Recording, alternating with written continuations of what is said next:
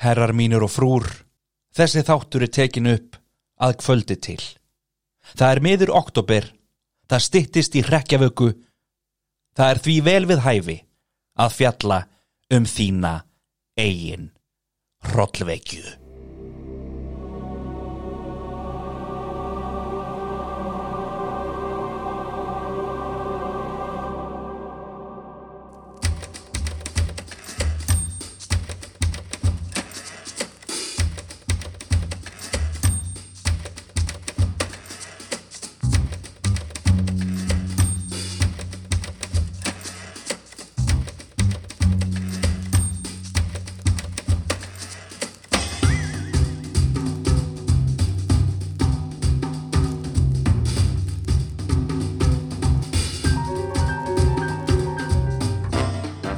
Aftan á bókakápu stendur. Bók sem virkar eins og tölvuleikur Því þú ræður hvað gerist. Þín eigin hrollvekja er öðruvís en aðrar bækur Því hér er þú söguhetjan og ræður ferðinni. Sögusviðið er dimmt og drungalegt kvöld Stút fullt af skrimslum og óvættum. Þú getur rekist á vampýrur og varúlfa Uppvakninga og illa anda Brjálaðar brúður og trillta trúða. Allt eftir því hvað þú velur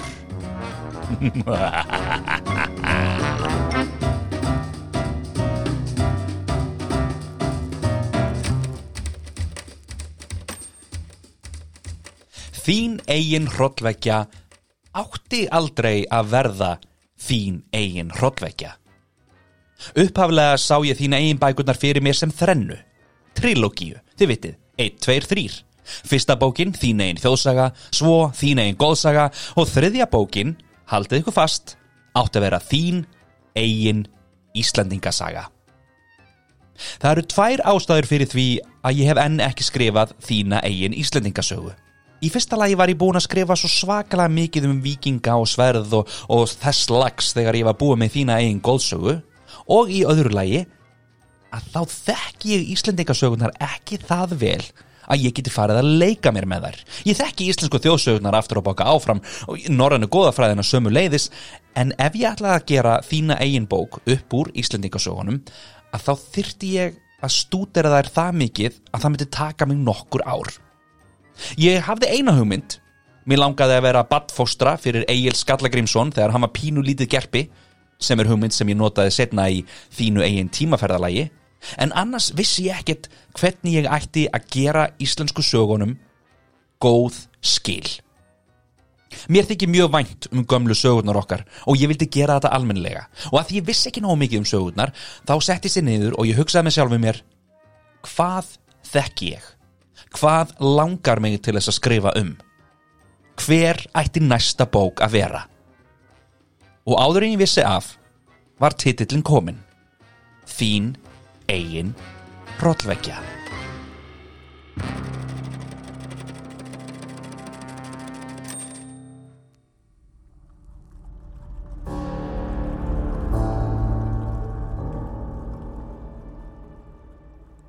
Spólum aðeins tilbaka Ég hef alltaf elskað hrollvekjur Bæði bíómyndir, þætti, bækur, teiknumyndasögur, allt sem tengist hrollvekjum finnst mér hryllilega spennandi. Vampýrur, brúður, trúðar, uppvakningar, uppvakningar, uppvakningar, var ég búin að segja uppvakningar? Þið veitir, ég elska hrollvekjur. Þetta þýður auðvitað að ég er gríðarlega myrkfælinn. Ég er ekki eins myrkfælinn núna eins og ég var í gamla daga en þangar til ég var svona 17 ára gammal þá var ég í alvörni logandi hrættur við myrkrið. Ég er alin upp í sveit. Við fengum ekki ljósastöra á bæin okkar fyrir en, þið vitið, ég var orðin úlingur. Fyrir þau ykkar sem hafið aldrei búið í sveit þá virkar það þannig að dýr þurfa að borða. Ég, ég veit, þetta eru sjokkgerandi fréttir en, en þannig er það nú samt. Og dýr, líkt og við, þurfa smá kvöldsnarl áður en þau fara að sofa. Þannig að eitt af því sem þú gerir ef þú býrði sveit er að fara út í fjárhús eða hestús eða fjós eða út í húsin og gefa dýrónum að borða rétt áður en þú sjálfur eða sjálf ferð að sofa. Ef það er engin ljósastaur getur þessi litli labbitúr sem kannski er 20 metrar, kannski 100 metrar, þessi litli labbitúr, hann getur verið svo litið skuggalegur. Sérstaklega ef það er ekki byrjið að snjóa en samt tekið að dimma þið vitið, eins og til dæmis í oktober Ég man eftir því að hafa verið úlingur að reyna að lappa eins hratt án þess samt að hlaupa. Ég vildi ekki að, þið viti, draugarnir sem voru að fylgjast með mér myndu fatta að ég væri hrættur og maður reynir að lappa og lappa og lappa og maður kemur að út yfir að hurðinni að út í húsunum og maður opnar kveikir ljósið og þá leið manni örlíti betur og hestarnir heilsuðu manni og, og maður gaf þeim smá hei og passaði að allir væru með vatn. Og svo slökti maður ljósið aftur. Og um leið og ljósið í útihúsinu sloknaði var bara ein ljóstýra sem skipti máli. Ljósið í húsinu heima. Og þú þurftir að komast þangað án þess að einhver myndi ná þér. Og ég veit að þetta hljómar eins og einhver hafi alvörunni verið að reyna að ná mér. Það var ekki þannig, þetta var allt saman í höfðin á mér. Aðalega vegna þess að ég var alltaf að stelast til að lesa og horfa á eitthvað sem ég átti ekki að vera að lesa og horfa á. Þegar ég var 17 ára gamal fekk ég vinnu sem næturvörður á hóteli á Akureyri Það var að sumri til en eins og allir vita þá tekur að dimma fljótlega svona í setni part júli og í ágúst er orðið alveg dimmt á nóttunni.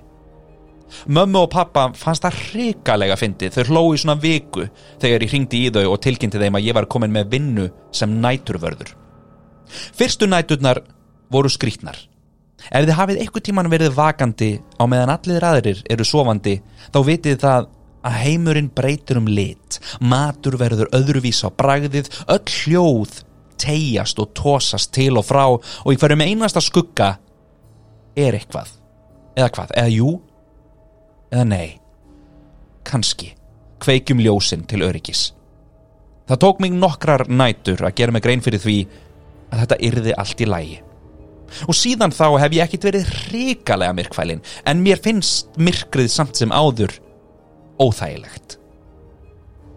Á sama tíma býður myrkrið upp á ótal möguleika eins og við fáum að kynnast í þinn eigin hróllveikju.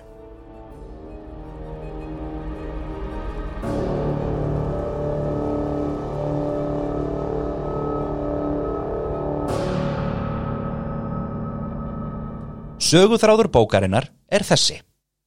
Fóreldra þínir er að fara eitthvört og þau ringja í badnapíu til að passa þig. Þér finnst að sjálfsögðu algjörlega fáralengt að einhver þurfi að passa þig. Hvað þá einhver dama sem heitir Lovisa sem segir að þú er að fara upp í rúm 1, 2 og núna. Klukkan er ekki neitt neitt. Þú veist alveg að þú máttu vaka en hún nennir ekki að spá í einhverju svoleis. Hún sendir þig upp í rúm og er auk þess hund leiðileg við þig. Svo liggur hún bara upp í sófa í símanum. En þú deyrið ekki ráða laus. Allavega ekki strax.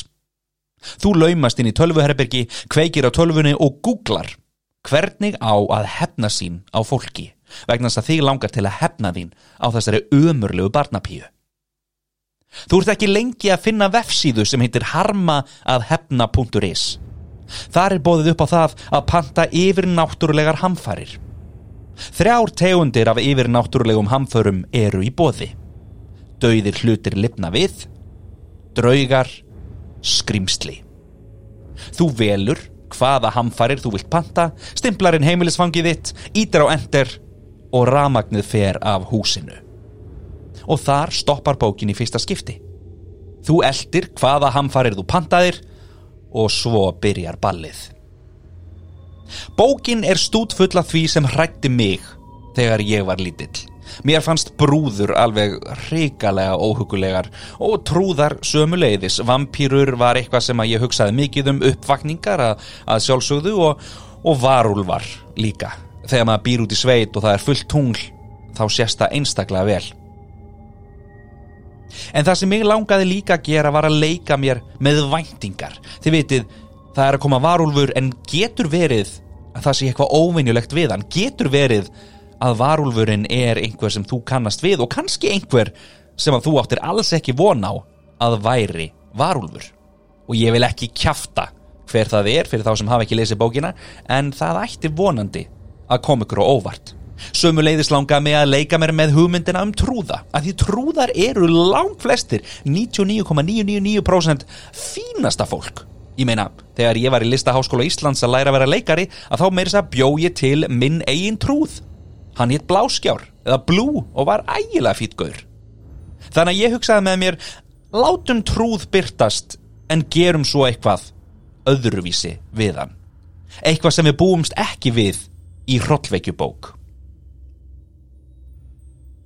Mér fannst líka eitthvað skemmtilegt við það að vera með tvær tegundir af mismunandi vampýrum í þessari bók. Það fyrir eftir í hvaða leið þú ferð en, en þú gætir rekist á heilan bekk af litlum ógeðslegum vampýrum og stórri fullorðinni vampýru sem er að reyna að ná þér. En þú gætir líka rekist á eina litla vampýru bara krútlega vampýru sem er með tannpínu sem er auðvitað mega vesen ef maður er vampýra Það er farið um víðan völl í þessari bók og ég ákvað að reyna að vera bara eins ógeðslegur og ég mögulega gæti og hugsaði með mér þau hjá forlæginu, þau láta mig vita ef þetta gengur of langt hjá mér. Þau letu mig aldrei vita Ég vil taka það fram að það eru samt nokkri hlutir sem að ég ætlaði að hafa í þessari bók sem ég ákvað að lokum að væru kannski bara aðeins of svakalegir Einn af þessum hlutum var það að eitthvað kæmi upp úr klósettinu og myndi tósa mann ofan í. Annar hlutur var að það væri búið að skipta foreldrum manns út fyrir einhverja sem litu alveg eins út en voru klárlega ekki þau. Þriðji hluturinn sem ég slefti var að það varu tannlæknar að gera eitthvað skramban af sér en e, í staðin ákvað ég að hafa bara tannlækni sem var frekar góður. En engar áhyggjur fyrir þá sem er að hlusta og hugsa með sér Ævar, þú hefðir þetta notið til bókina, þetta eru frábæra hugmyndir. Engar áhyggjur Þær voru allar notaðar í hryllilega stuttum hrollvekjum hrollvekju smásögubókinni minni sem kom út vorið 2020.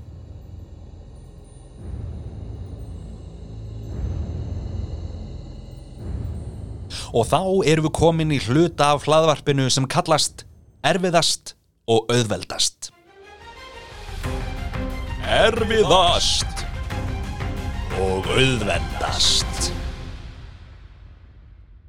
Það sem var erfiðast við að skrifa þína einn hrottveggju var að finna ástæðuna fyrir því hvers vegna allar þessar verur voru að mæta á svæðið. Í þinni eigin þjóðsögu og góðsögu gæti ég bara byrjað inn í miðri bók en núna varði ég að finna likil að þessu öllu saman. Eftir að með dati hug vefsíðan harmað hefna.is sem á sínum tíma var til í alvörunni mhm, mhm mm Ég vissi hvaða skrimsli mér langaði að hafa í bókinni, ég vissi bara ekki hvernig þau ætti að komast ángað. En allt í unnu datt mér það í hug. Harmað hefna.is var fullkominn. Yfir náttúrlegar hamfarir var eitthvað sem hljómaði brjálæðslega skemmtilega og ég ákvað með sjálfu mér yfir náttúrlegu hamfarirna klárast klukkan 12. Þannig að við þurfum að lifa af til klukkan 12 og ef það tekst þá fer allt aftur í burtu. Það sem var auðveldast og skemmtilegast að skrifa var allt það sem óþólandi barnapíjan Lovisa segir og gerir. Eitthvað sem hafi lesið bókina viti það að stundum er hún með mann í liði og stundum þvælist hún bara fyrir, allt eftir því hvað þið ákveðið að gera. Ég mæli með að reyna náinni með ykkur í lið að því hún getur orðið að miklu gagni.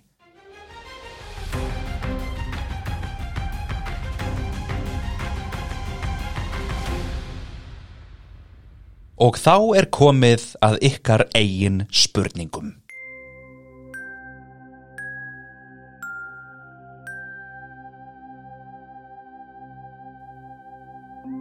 Hrefna Jónsdóttir sem er að kenna fjórða til sjöndabekk í Reykjólaskóla Reitun og Leskilling hefur sendt einn spurningu áður og sendir nú inn aðra.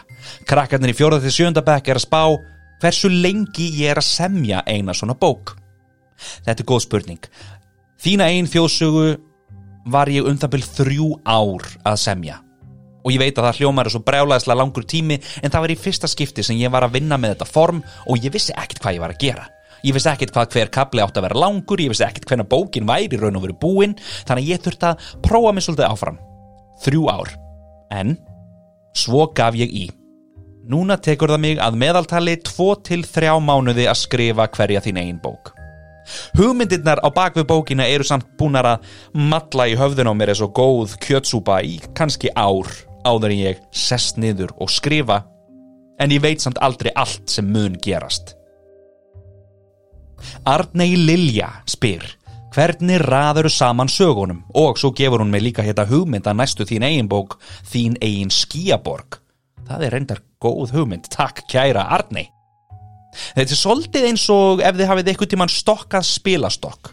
Það er eiginlega svolítið það sem ég geri þegar ég er búinn að skrifa þín eigin bók. þá prenta ég hana út og nánast hendi öllum blaðsíðunum upp í loftið og raða bókinni svo aftur saman. Endrum og sinnum langar mig að það sé langt á milli ákveðina hluta eins og til dæmis í þínu einn tímaferðalagi þegar ég sendi lesandan í ringavittlisu sem þú kemst ekki út úr þá langaði mig að þessar stoppustöðvar sem þú ert að fletta á milli væru um alla bókina. En oftast læti ég að vera þannig að ég bara kast upp í loftið og sé hvað gerist. Eithór Páll Ólafsson spyr hvernig fegstu hugmyndinar að þínum eigin sögum? Þín eigin saga eru afleggjararnir úr stóru þín eigin bókunum. Þetta eru stittri bækur með starri stöfum, einfaldra máli og miklu fleiri myndum eftir hana vinkonum mína, hana Evu. Hugmyndin kviknaði vegna þess að í stóru þín eigin bókunum eru margir stafir og fáar myndir. Sumum þykir ekkert mál að tæta sig í gegnum svoleiðs bók á meðan öðrum þykir að dálítið erfitt og það er allt í góðu. En ég hugsaði með mér mikið ennú leiðilegt að hellingur á krökkum geta kannski ekki lesið þín eigin bækunar að því að þær eru svo þykkar. Þannig að ég hugsaði með mér mjög langar að búa til litla afleggjara með personum úr stóru bókunum þar sem ég get stækkað heiminn þeirra og við getum séðan betur í myndum og allir geta lesið. Þín eigin sagabækunar virka næstum því eins og upphittun fyrir stóru þín eigin bækurnar. Yngibjörg Ólöf Benediktsdóttir spyr hver var uppáhaldssagan í þinni eigin hrollvekju og varstu stundum sjálfur hrættur? Uppáhaldssagan mín í þessari bók eru gínutnar í vesluna meðstöðinni. Það er eitthvað við það að eitthvað andlitslaust en samt í læginu eins og manneskja sé að elda mann. Það er eitthvað mjög óþægilegt við það, ég grunar að fleiri en bara ég tengi við það og já, það er kapli þegar barnapíjan Lovisa verður andsetin sem að hræðir mig alveg töluvert. Og síðasta spurningin þetta eru marga spurningar í dag, ánægða með það er frá Jóel Inga Sæmundsinni leikara og hann spyr af hverju fílar rollveikjur? Ég veit að þetta hljómar pílniti skrítið en það er eitthvað við það að kúra undir sæng vitandi að allt séu góðu og lesa um eitthvað um eitthvað algjörlega hræðilegt eins og til dæmis jarðorma vampýrur brjálaðar brúður og gínur sem reyna námanni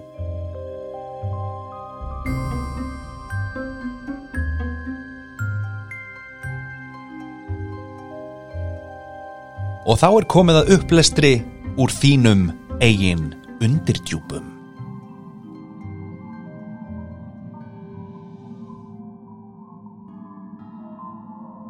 Segðu mér meira frá lífverunni, segir þú og sperrir eirun. Profesor Alda yðar í skinninu og rýfur snjáða glósubók upp úr rasvasanum. Þegar hún opnar bókina sérðu að hún er stútfull af allskins krassi og kroti.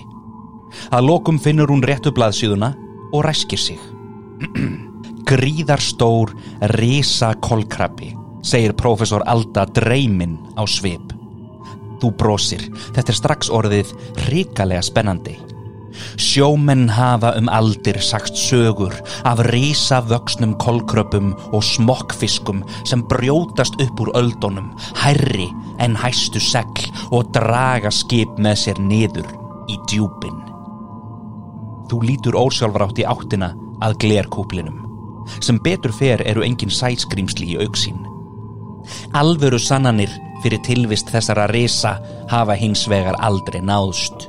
Stærstu kolkrabbar og smokkfiskar sem hafa rekið og land hafa verið um tíu metra langir. Augun á stærðið frisbítiska, en ímsa rannsóknir benda til þess að markfalt stærri dýr leynist í undirdjúbónum. Profesor Alda flettir og finnur nýjan stað í glósubókinni sinni. Hvernig finnum við þær þá? spyrður Lári Röttu. Svona fyrst enginn hefur séð þessar lífverur. Við gerum það með því að þrengja leitina. Við leitum að einni ákveðinni lífveru og við finnum hana, hún lítur glottandi á þig, með því að hlusta. Hún les upp úr glósubókinni sinni. Árið 1997 hafði bandaríski sjóherrin komið fyrir sérstökum skinnjurum í hafdjúbónum sem áttu að njósta um kavbáta. Þeir heyrðu auðvitað hitt og þetta en einn daginn urðu þeir varir við eitthvað nýtt, eitthvað allt öðruvísi, eitthvað mun stærra en áður. Hljóð sem ómaði á svæði sem náði heimshorna á milli. Hún lítur á þig yfir brúnina á bókinni og býður eftir viðbröðum. Það er hellingur, segir hún svo. Ó, svara þú. Tíðinni hljóðsinn skaf til kynna að það væri mun herra en önnur dýrahljóð. Engin lífvera þekur svona stort svæði. Þetta var í raun óútskýranlegt. Hún lækkar róminn. Hljóðið byrja rólega en á um mínútu hækkar það rætt áður en það róast aftur. Sumir vildu meina að hljóðið kæmi frá ísjökum sem var að brotna á miklu dýpi neðan sjávar eldgósum eða einhverju þvíum líku. Tautar profesorinn á meðan hún flettir áfram í bókinni. En rannsóknir benda til þess að þetta sé lífverða. Hún lítur á því eitt augnablík og pýrir augun. Veistu hvað hljóðið er kallað? Hvíslar hún. Þú hristir höfuðið. Nei, svara þú. Hvað? Profesor Alda dregur andan djúft og þú býst við því að nú mun hún segja eitthvað stórkostlegt, eitthvað magnað, eitthvað óendanlega glæsilegt. Þessi stað gefur hún frá sér örstutt og fáránlegt hljóð. Blúp, segir hún. Þú starir á hana. Blúp, gaggar á móti. Hún kinkar kolli. Heitir hættulegasta og mest spennandi hljóð í heimi Blúp. Alda kinkar aftur kolli og heldur svo áfram að fletta glósubókinni. Þú hristir höfuðið. Einhvern veginn var þetta allt minna hættulegt eftir að þetta fáránlega nafn kom til sögunar. Profesor Alda hættir skindilega að fletta. Svo fór þetta að gerast. Hún snýr bókinni að þér og við blasir grein af internetinu. Útprentuð og límdi glósubókina með kennaratyggjói. Dauða kvali rekur á land, stendur stórum stöfum. Óvenjuleg sár, segir í greininni. Með fylgir mynd af gríðarstórum kval í fjöru. Á honum eru ægileg sár, bæði hringlaga og grottalega en líka stórir skurðir. Fleiri dauðir kvalir liggja í fjaska. Hvernig fenguður þessi sár, spyrðu. Profesorinn brosir. Mín kenning er þessi. Ringirnir eru eftir gríðarstórar sokskálar á örmum kolkrabans. Skurðirnir eru eftir goggin. Goggin, spyr þú. Kolkrabbar eru með gogg og ég veit að það hljómar sakleisislega en trúðu mér, það er ekkert grín. Goggurinn er flugbeittur og fyrir innanann er tunga kolkrabbans, allsett litlum tönnum sem auðveldónum að gleipa bráðina. Ó, segir þú látt. Þetta heldur hún áfram og bankar á myndina í bókinni, hefur verið að gerast í síauknum mæli síðustu mánuði. Allt á einu ákveðinu hafsvæði. Hvar, spyrðu? Undan ströndum Greiklands, segir hún, og þangað stefnum við.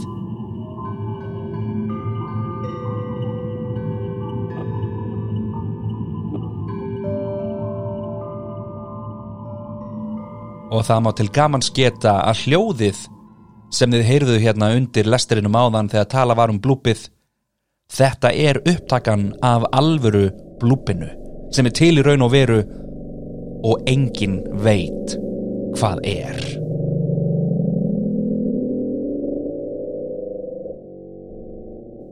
Kæru vinir, þættinum er að ljúka.